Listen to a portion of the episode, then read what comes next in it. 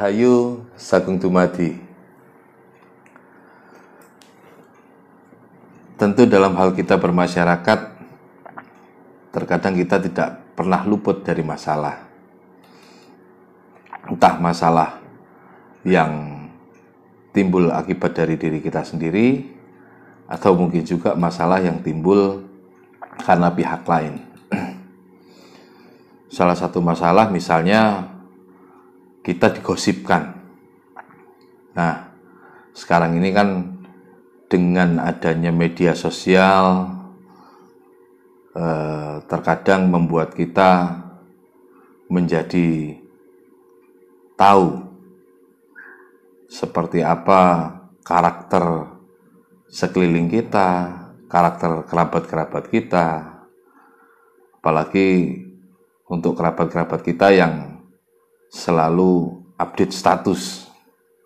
Yang kemudian ada sindiran-sindiran yang mungkin pernah bermasalah dengan kita atau mungkin kita tidak pernah merasa bermasalah dengan mereka tapi mereka merasa kita adalah sumber masalah. Sehingga kemudian menyindirnya secara halus di status atau mungkin juga eh, di story. Atau di mana lah Hal ini tentu akan membuat kita menjadi jengkel. Apalagi ketika kita membaca dan kita seakan merasa sepertinya kata-kata ini buat saya. Walaupun tidak menyebutkan nama kita. Karena mungkin orang yang bersangkutan sedang merasa tidak enak dengan kita dan itu bisa jadi juga mungkin iri atau perasaan apa ya hmm, kecemburuan sosial atau apa pun itu. Dan saya rasa itu adalah hal yang biasa terjadi terutama pada konteks bermasyarakat yang saat ini semakin majemuk. Tentu kita tidak akan bisa tahu bagaimana isi orang yang ada di dekat kita. Terkadang di depan terlihat baik tapi di belakang membicarakan diri kita. Nah pada kesempatan ini saya ingin sedikit mungkin menceritakan kembali ya. Menceritakan kembali ber menyampaikan kembali apa yang telah didauhkan oleh bini sepuh kita, oleh leluhur kita sejak dulu secara turun-temurun tentang sebuah istilah dadiya wong sabar, mergo wong sabar kuwi subur. Nah, ini akan menjadi amat sangat penting apalagi untuk era-era saat ini dengan kondisi yang seperti saya ceritakan tadi. Banyak orang sudah tidak percaya bahwa ketika orang sabar itu pasti subur. Yang ada kalau sabar makin nelongso. Kalau bahasa Jawanya seperti itu. Sebenarnya hal itu bagi saya masih masih masih kurang tepat ya karena konsep sabar itu subur itu memiliki makna yang cukup mendalam tidak hanya bicara tentang kalau kita ini sabar terus akhirnya jadi gemuk. Karena masalah kegemukan ini tidak melihat dari kita sabar atau tidak sabar. Banyak juga orang suka marah itu gemuk loh. Nah ini yang juga kita perlu tahu bahwa ini adalah sebuah filosofi bahwa sabar orang sabar itu subur atau wong sabar kui bakal subur adalah sebuah konsep yang mengajarkan kita untuk lebih mendahulukan uh, berpikir positif. Motivator-motivator internasional selalu berkata, be positive thinking, be positive thinking, be positive thinking dalam hal apa pun untuk memotivasi diri kita maupun juga untuk hal-hal yang menyangkut ke pekerjaan kita misalnya. Positive thinking akan selalu menghasilkan nilai-nilai positif. Tapi ketika kita akan berpikir negatif, itu juga akan menimbulkan hal-hal yang negatif. Nah, kembali lagi pada konteks sabar itu subur atau wong sabar kui bakalan subur. Di mana dalam konsep kesabaran ini adalah termasuk daripada konsep bagaimana leluhur kita dulu mengajarkan untuk selalu memayu hayuning pribadi memayu hayuning kaluarga, memayu hayuning warga dan juga memayu hayuning bawono. Konsep sabar itu subur adalah konsep tentang memayu hayuning pribadi. Bagaimana kita kepada pribadi kita.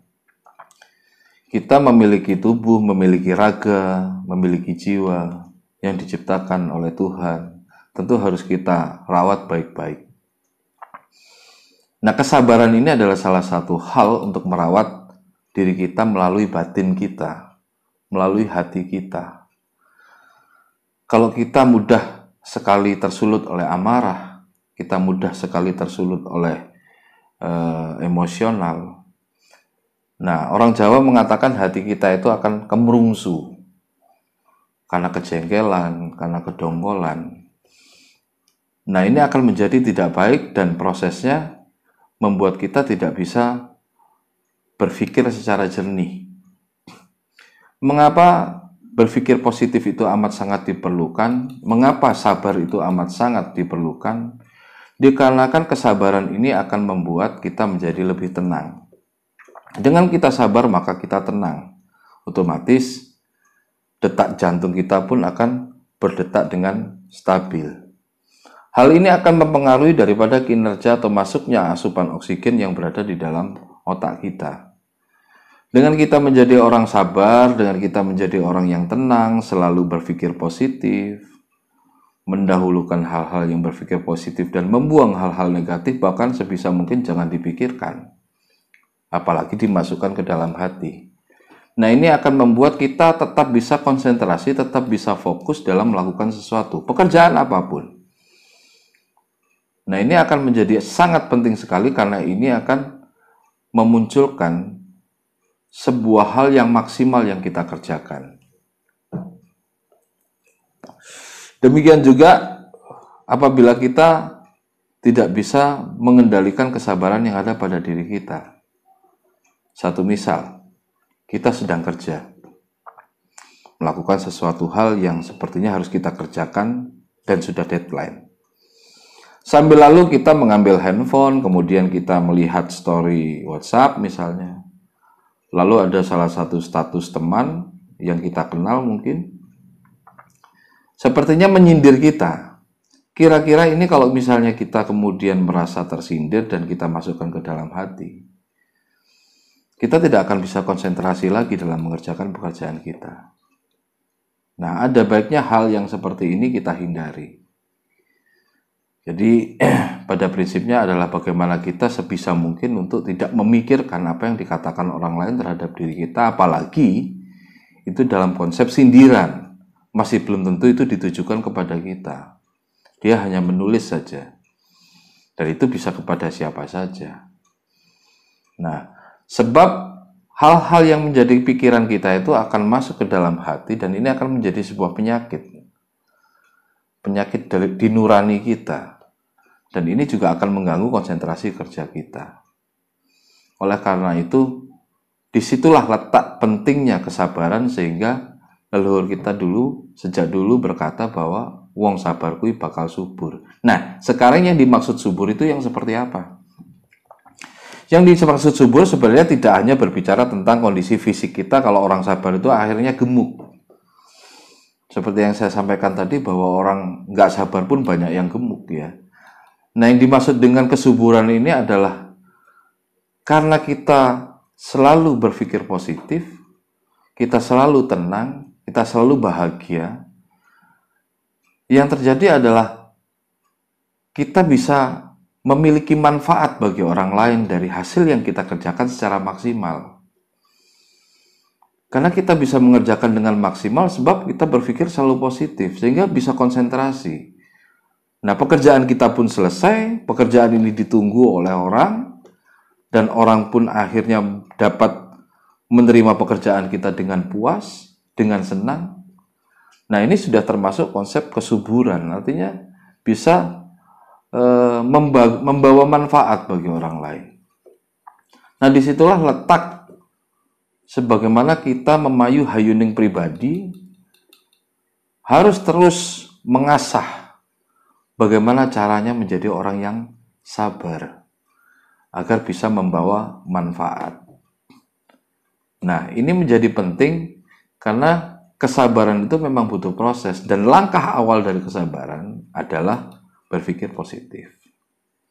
Selain itu ada langkah-langkah yang lain bagaimana memahami yaitu kita berusaha untuk bersimpati, berusaha untuk berempati sehingga melihat sebuah kondisi kita tidak mudah marah tapi lebih mudah memaklumi bahkan mungkin kita bisa memberikan sesuatu hal kepada orang-orang yang mungkin tidak berpikir tidak baik tentang kita menjadi berubah.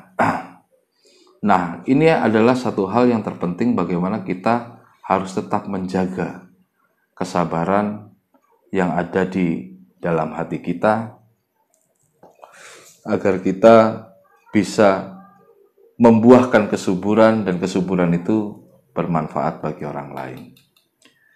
Terima kasih. Sampai jumpa di lain waktu dan kesempatan. Penting gak penting, nikmati saja. Karena bahagia itu sederhana. Rahayu, rahayu, rahayu, sagung tumati.